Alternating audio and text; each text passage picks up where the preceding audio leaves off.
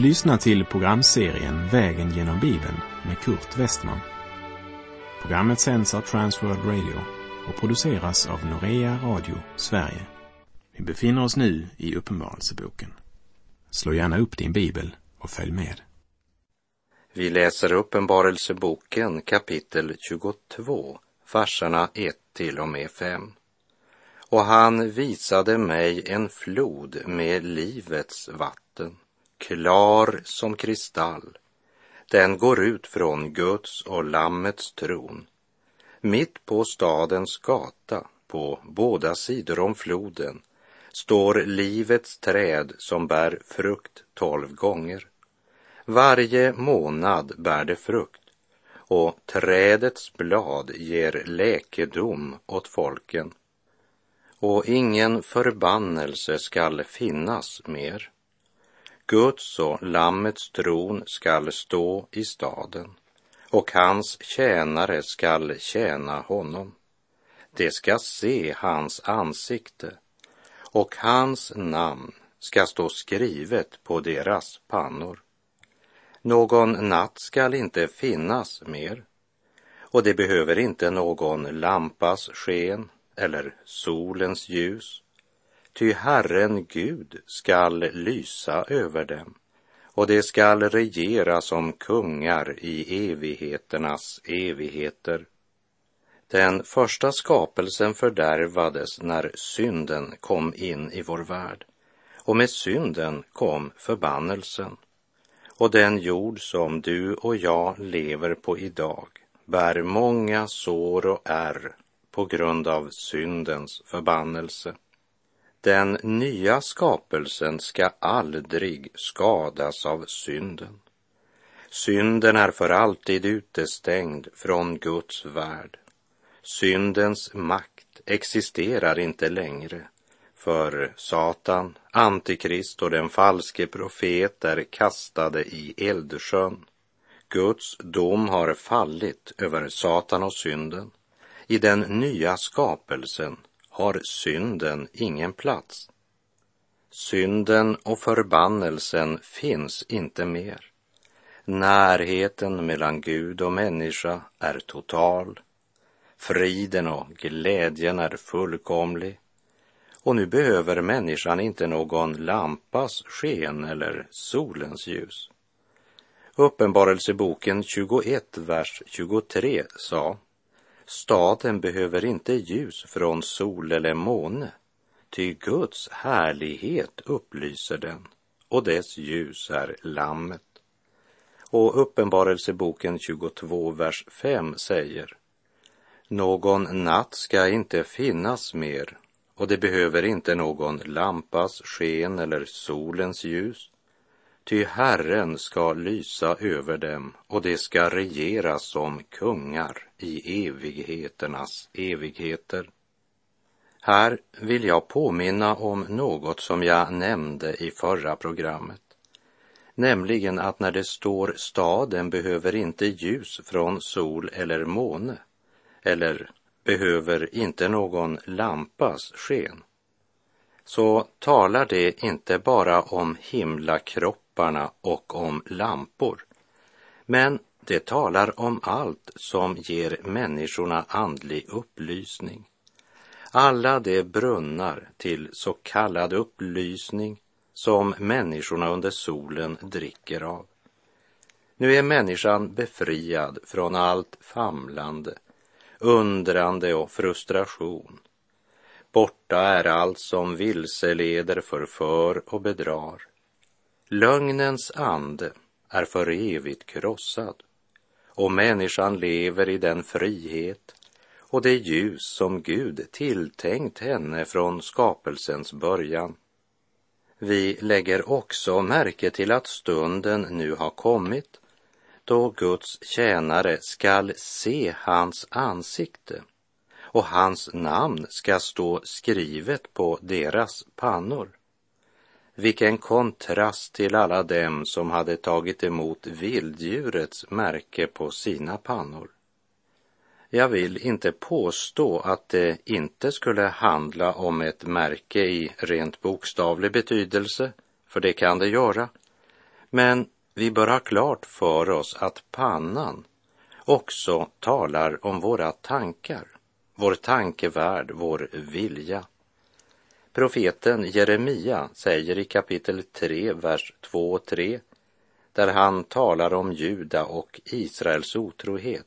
Jag citerar. Du orenade landet genom din otukt och din ondska. Därför hölls regnskurarna tillbaka och intet vårregn föll.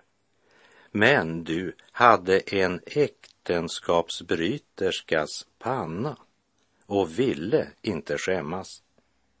I Andra Mosebok kapitel 13 talar Herren om det osyrade brödets högtid. Och han säger att firandet av denna högtid det skulle vara som ett tecken på din hand och som ett påminnelsemärke på din panna. Ett påminnelsemärke på din panna. Panna, ja, det hebreiska ordet sikaron talar om något som man måste komma ihåg eller något som man bör tänka på, uppmärksamma. Ett påminnelsemärke på din panna det vill säga, det är något som du alltid ska tänka på. Våra tankar bör gå i en bestämd riktning. Vad är det som fyller våra tankar i vardagen? Vad är det vi är upptagna av? Vad intresserar oss? Vad är det som driver oss? Vad fyller våra liv och tankar? I Filipperbrevet kapitel 4, verserna 6 och 7 skriver Paulus. Gör er inga bekymmer för något, utan låt Gud i allt få veta era önskningar genom åkallan och bön med tacksägelse. Då skall Guds frid, som övergår allt förstånd, bevara era hjärtan och era tankar i Kristus Jesus. Ingenting kan bevara en människas hjärta och tankar som Guds frid, för den genomtränger vårt väsens djupaste grund. Gud kan alltså bevara våra tankar i Kristus Jesus. Får han lov att göra det i ditt liv? är livet med Gud något som sätter sin prägel även på din panna, din tankevärld. Och ingen förbannelse skall finnas mer. Guds och Lammets tron skall stå i staden och hans tjänare skall tjäna honom. De skall se hans ansikte och hans namn skall stå skrivet på deras pannor. Det vill säga, nu är det uppenbart, det som tidigare varit fördolt för världen, men som Gud alltid vetat. Herren känner det sina. Jag citerar Andra Timoteusbrevets andra kapitel, verserna 15 till och med 19. Gör allt du kan för att bestå provet inför Gud. Likt en arbetare som inte behöver skämmas utan rätt delar sanningens ord. Men oandligt tomt prat skall du akta dig för. Det som befattar sig med sådant kommer att göra allt större framsteg i ogudaktighet och deras ord kommer att sprida sig som cancertumörer. Till dem hör Hymenius och Filetus som har kommit bort från sanningen. Det bryter ner tron för somliga när de säger att uppståndelsen redan har ägt rum. Guds fasta grund består och har detta sigill. Herren känner det sina. Och var och en som nämner Herrens namn skall hålla sig borta från orättfärdigheten. Min vän, vad står det skrivet på din panna? Jesus sade till dem, ännu en kort tid är ljuset bland er. Vandra medan ni har ljuset, så att mörkret inte övervinner er. Den som vandrar i mörkret vet inte vart han går, står det i Johannes 12, 35. Hör vad Johannes uppenbarelsebok 22, vers 4 säger om det som går in i det nya Jerusalem. Det skall se hans ansikte och hans namn skall stå skrivet på deras pannor. Medan Uppenbarelseboken 13, vers 16 och 17 säger om vilddjuret att det tvingar alla, små och stora, rika och fattiga, fria och slavar, att ta emot ett märke på högra handen eller på pannan, så att ingen kan köpa eller sälja utom den som har märket, vilddjurets namn eller dess namns tal. Är våra tankar och våra hjärtan märkta av kommersialismen eller av det slaktade lammet? Vilket märke bär vi? Vad är det som satt sin prägel på våra tankar, våra önskningar? Vad är det vi drömmer om? Vad är det som är viktigt för oss? Låt Kristi ord rikligt bo hos er med all sin vishet. Undervisa och förmana varandra med salmer, hymner och andliga sånger och sjung med tacksamhet Guds lov i era hjärtan. Och allt vad ni gör, i ord eller handling, gör det i Herren Jesu namn och tacka Gud, Fadern, genom honom, skriver Paulus i Kolosserbrevet 3, vers 16 och 17.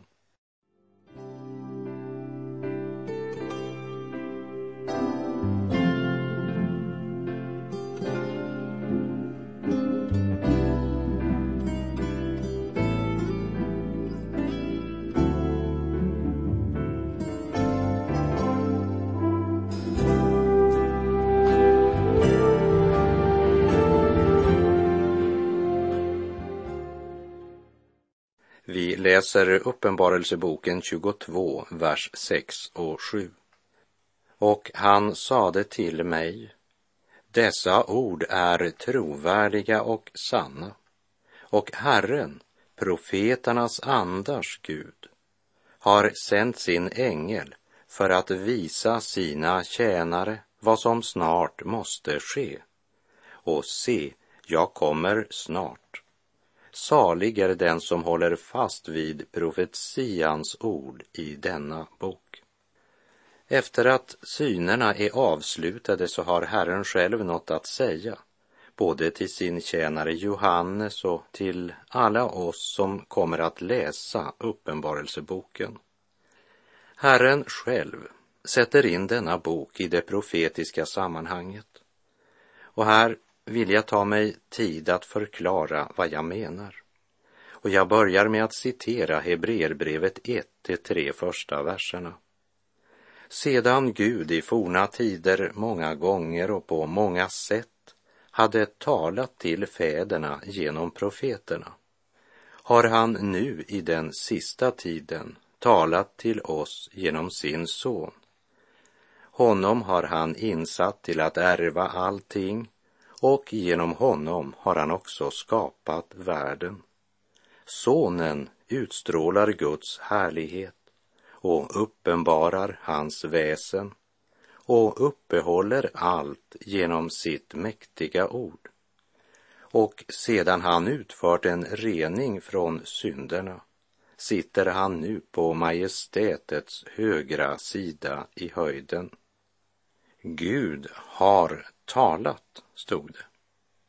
Låt mig säga, Bibeln försöker aldrig bevisa Guds existens, utan konstaterar helt enkelt bara detta faktum, Gud har talat. Profeterna Gud sände talade till Israel, bara det som var Guds ord, inte något annat. Och Hebreerbrevet börjar med att säga att den Gud som tidigare på många sätt talat till folket genom profeterna, han har nu i den sista tiden talat till oss genom sin son. Det vill säga, Jesus är Guds sista ord till människan. Det betyder inte att det inte också idag skulle frambäras profetiska budskap, men de går aldrig emot den skrivna uppenbarelsen. Bibeln grundar sig på den allsmäktige Gud, hans skapande och hans budskap till människan. Därför kan Bibelns auktoritet inte främst bli föremål för debatt, utan för studium. Gud har talat genom sitt ord. Därför står också de gammaltestamentliga profeterna och deras budskap i en särställning, där Nya testamentet stadfäster vad Gamla testamentets profeter har profeterat. Men här i Uppenbarelseboken 22, vers 6, så sätter Herren själv in Uppenbarelsebokens budskap i raden av profeternas budskap i det gamla testamentet. Därmed står Uppenbarelseboken i en särställning i det nya testamentet. Dessa ord är trovärdiga och sanna och Herren, profeternas andars Gud, har sänt sin ängel för att visa sina tjänare vad som snart måste ske. Uppenbarelseboken är en alldeles speciell hälsning från honom som led på korset för våra synder, uppstod för vår rättfärdiggörelses skull och nu sitter på Faderns högra sida. Han har ett viktigt budskap till sin kämpande församling på jord. Det gäller att ha Uppenbarelsebokens budskap för ögonen, speciellt i den tid då världshändelserna i hast utvecklar sig mot vår tidsålders avslutning. Guds folk måste vara vakande och bedjande. Nu är det full beredskap som gäller. Och i denna beredskap och detta vakande står uppenbarelsebokens budskap i en särställning. Och vi märker hur orden i vers 7 tränger igenom hela vår varelse när Herren säger och se, jag kommer snart.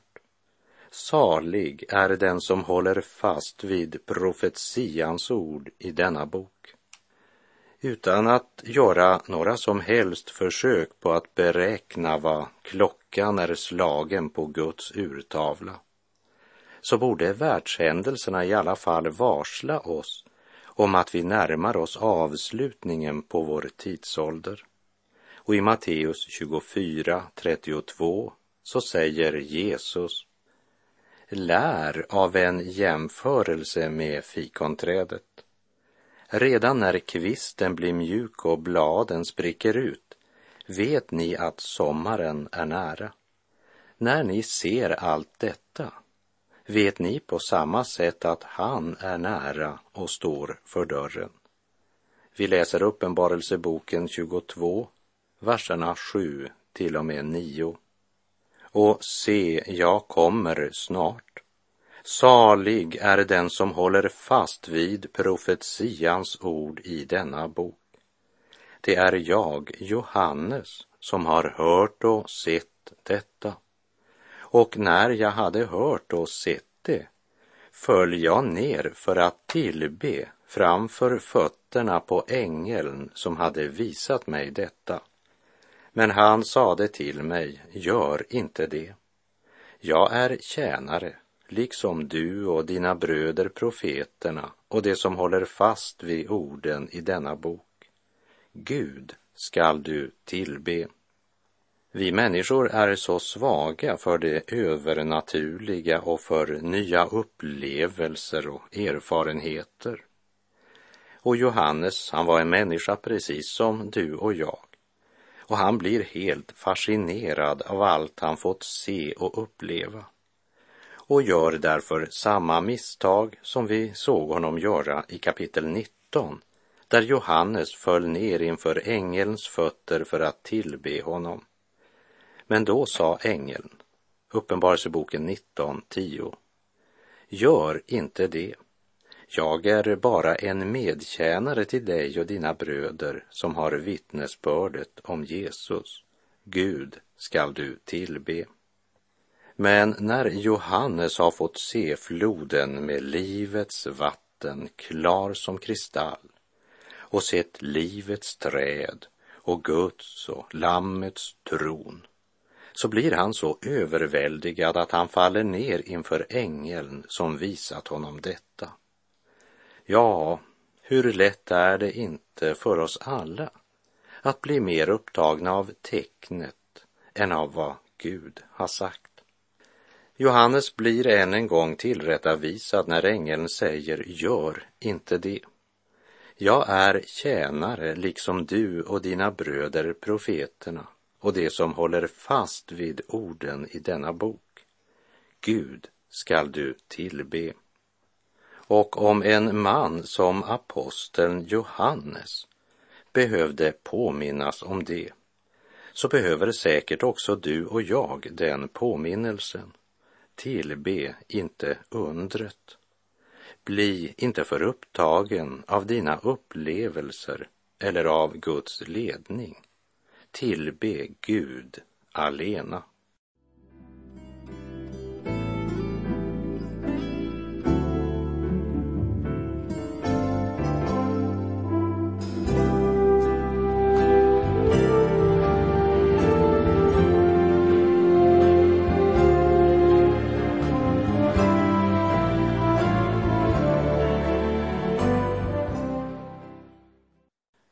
Uppenbarelseboken 22, vers 10.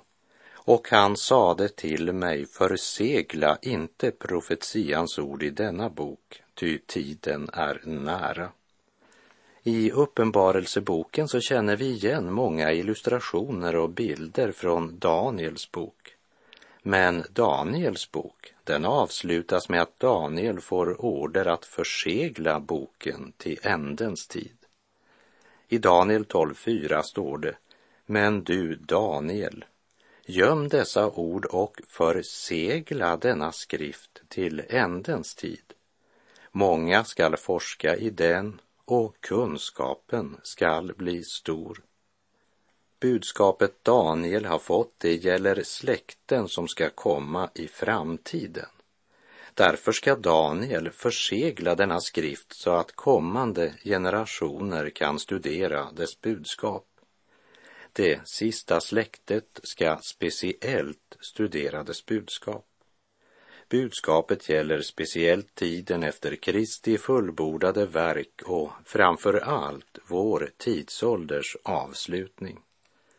Därför får Johannes följande förmaning vid sin syn på Patmos försegla inte profetians ord i denna bok, ty tiden är nära.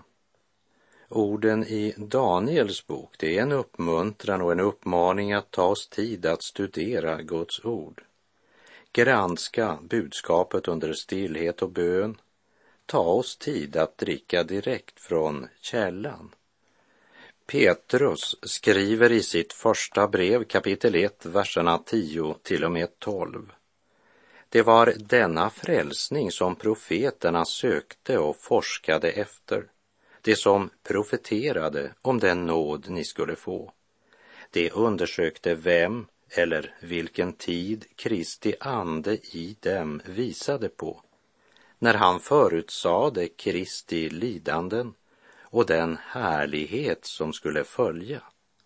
Och det blev uppenbarat för dem att det inte var sig själva utan er de tjänade med sitt budskap. Detta har nu förkunnats för er genom dem som i den helige Ande, sänd från himlen, predikade evangeliet för er. Och detta önskar änglarna att få blicka in i. Men Johannes får alltså order att inte försegla profetians ord i Uppenbarelseboken, utan offentliggöra dess innehåll för alla Jesu efterföljare i ändetiden. Den ska läsas upp i församlingen. Det ska predikas över den, undervisas, samtalas och bedjas över dess budskap. Försegla inte profetians ord i denna bok, ty tiden är nära. Vad denna bok har vittnat om är nu över oss. Och den som lever och vandrar i ljuset i daglig gemenskap med Herren och hans ord förnimmer detta i sitt inre utan att man därmed försöker göra ett exakt tidsschema så förnimmer man som Jesus sa när fikonträdets kvist blir mjuk och bladen spricker ut vet ni att sommaren är nära. Kära vän, studera inte bara uppenbarelseboken men hela Bibeln. Ta dagligen tid till Guds ord, för Guds ord är levande och verksamt. Det är skarpare än något tvegat svärd och tränger igenom så att det skiljer själ och ande, led och märg och det är en domare över hjärtats uppsåt och tankar. Vi läser Uppenbarelseboken 22, 11. Och den orättfärdige må fortsätta att göra orätt, den orene att orena sig. Den rättfärdige må fortsätta att göra vad som är rätt och den helige att helga sig. Det är som om Gud säger Kallelsen att följa Jesus har gått ut, men jag tvingar ingen, jag bara kallar. Sedan må var och en göra sina val, om han vill vända om från sin onda väg som leder till fördärvet, vända om och rädda sin själ, eller om man väljer att fortsätta att leva i ogudaktighet och orättfärdighet i Romarbrevet 1, vers 17 och 18 vittnar Paulus. Rättfärdigheten från Gud uppenbaras i evangelium av tro till tro, som det står skrivet. Den rättfärdige skall leva av tro. Guds vrede uppenbaras från himlen över all ogudaktighet och orättfärdighet hos människor som i orättfärdighet undertrycker sanningen. Vår tidsålders avslutning närmar sig med hast. Därför bör den som väljer att fortsätta att leva i synd och orättfärdighet göra det med öppna ögon. Om du väljer orättfärdigheten så gör det medveten om att det snart, mycket snart, kan vara för sent att vända om. Uppenbarelseboken 22.12. Se, jag kommer snart och har min lön med mig för att ge var och en efter hans gärningar. Och med det så är vår tid ute för den här gången. Den orättfärdige må fortsätta att göra orätt den orene att orena sig. Den rättfärdige må fortsätta att göra vad som är rätt och den helige att helga sig. Herren vare med dig. Må hans välsignelse vila över dig. Gud är god. Du har lyssnat till programserien Vägen genom Bibeln med Kurt Westman som sänds av Transworld Radio. Programserien är producerad av Norea Radio Sverige. Om du önskar mer information om vårt radiomissionsarbete så skriv till Norea Radio Sverige, box 3419 103 68 Stockholm.